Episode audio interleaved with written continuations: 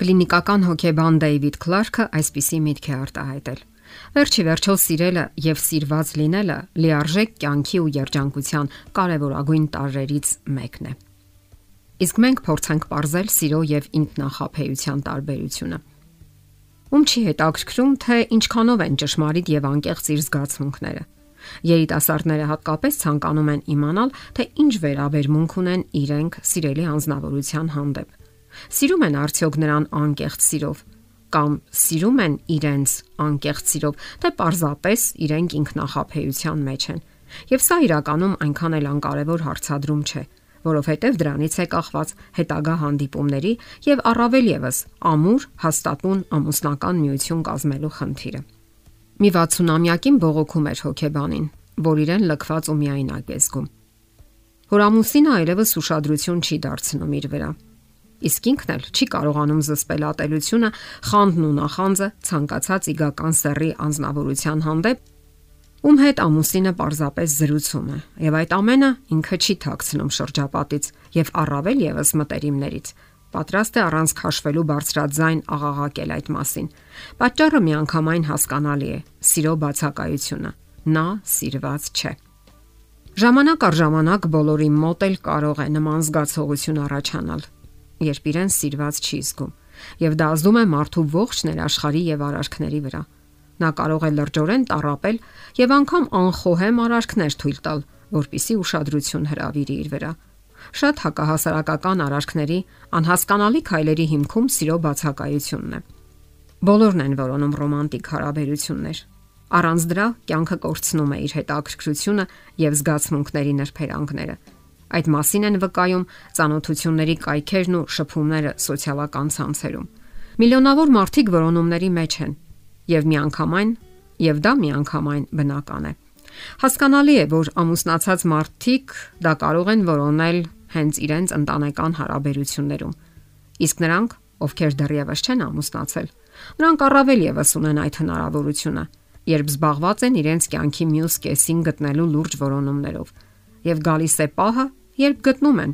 կամ թվում է թե գտել են։ Ինչ անել այդ ժամանակ, չսխալվելու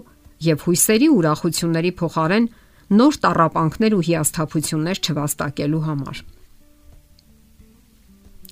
Սպասել, սպասել։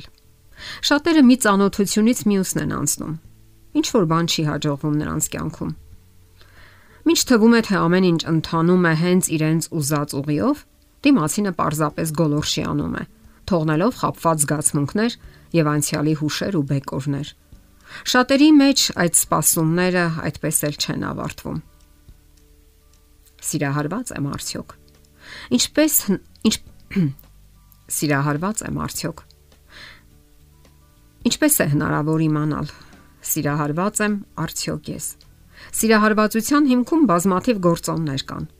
սկսած գարնանային արփունքից մինչև հորմոնների երանդուն գործունեություն։ Այն ընդգրկում է նեյրոքիմիական, ֆիզիոլոգիական, հոգեբանական, հուզական, միջանձնային, վարքագծային եւ անգամ հոգեվոր եւ վերացական ոլորտները։ Ուժեղ հրապուրվածությունը նույնպես ազդում է մարդու մտքերի եւ արարքների վրա։ Մարդիկ հաճախ են մտորում, ընկնում երևակայության գիրկը, սավառնում պայծառ մտքերով։ Նրանք տրվում են ռոմանտիկ, երազանքների, հորինվածքների, մերց հարաբերությունների եւ ապագա համատեղ հարաբերությունների մասին մտքերին։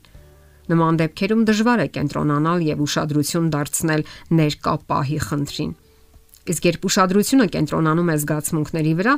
մարդուն թվում է, թե ինքը սիրահարված է։ Սակայն հարցն այն է, որ դա մեր աշխարհի միայն մի մասն է, մի փոքրիկ մասը,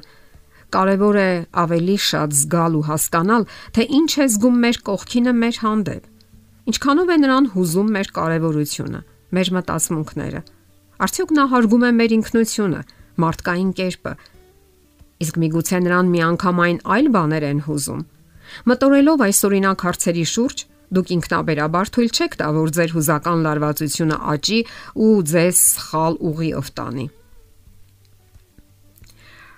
իսկապես կարևոր հարց է։ Ինչպես հասկանալ թե սեփական եւ թե դիմացինի աշխարհն ու հույզերը։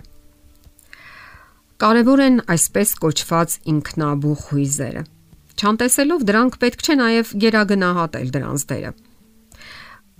Կարող եք վերլուծել, թե ինչ եք զգում, երբ տվյալ անznավորության կողքին եք։ Արդյոք նրան հետաքրքրում է ձեր աշխարհն ընդհանրապես։ Ինչպես է վերաբերվում նա ձեզ։ Հարգալից է արդյոք։ Ինչքանով է այդ ամենի մեջ ներգրավված ֆիզիկական գրավչությունն ու մղումը։ Ամեն ինչի մեջ գիտակցական մոտեցումը կարևոր է։ Սա նշանակում է ճիշտ ընկալել հույզերի այսպես կոչված ինքնաբուխ ծնունդը կամ պայծառեցումը, երբ դուք ինքներդ էլ չեք հասկանում, թե որտեղից եկան, որտեղից ծնվեցին դրանք։ Եվ սակայն պետք է փորձեք հասկանալ, որովհետև այդպիսի բռնկումը կամ լույսը դեռևս չի նշանակում, որ դուք սիրահարված եք։ Հնարավոր է ձեր մտածողության կերպը այնպիսին է, որ դուք հակված եք երազանքների, կպչուն, թափառող մտքերի Դա պարզապես ձեր մտածողության անհատական ոճն է եւ ոչ ավելի։ Ասենք որ այսքանով բոլորովին չի ավարտվում ձեր ներաշխարհի ընկալումն ու ինքնաճանաչողությունը։ Նաեւ հասկանալը, թե արդյոք սիրահարված եք դուք։ Ինչի մասին էլ դեռևս կխոսենք մեր հաջորդ հաղորդումների ընթացքում։ Եթերում է ճանապարհ երկուսով հաղորդաշարը։ Ձեզ հետ է Գեղեցիկ Մարտիրոսյանը։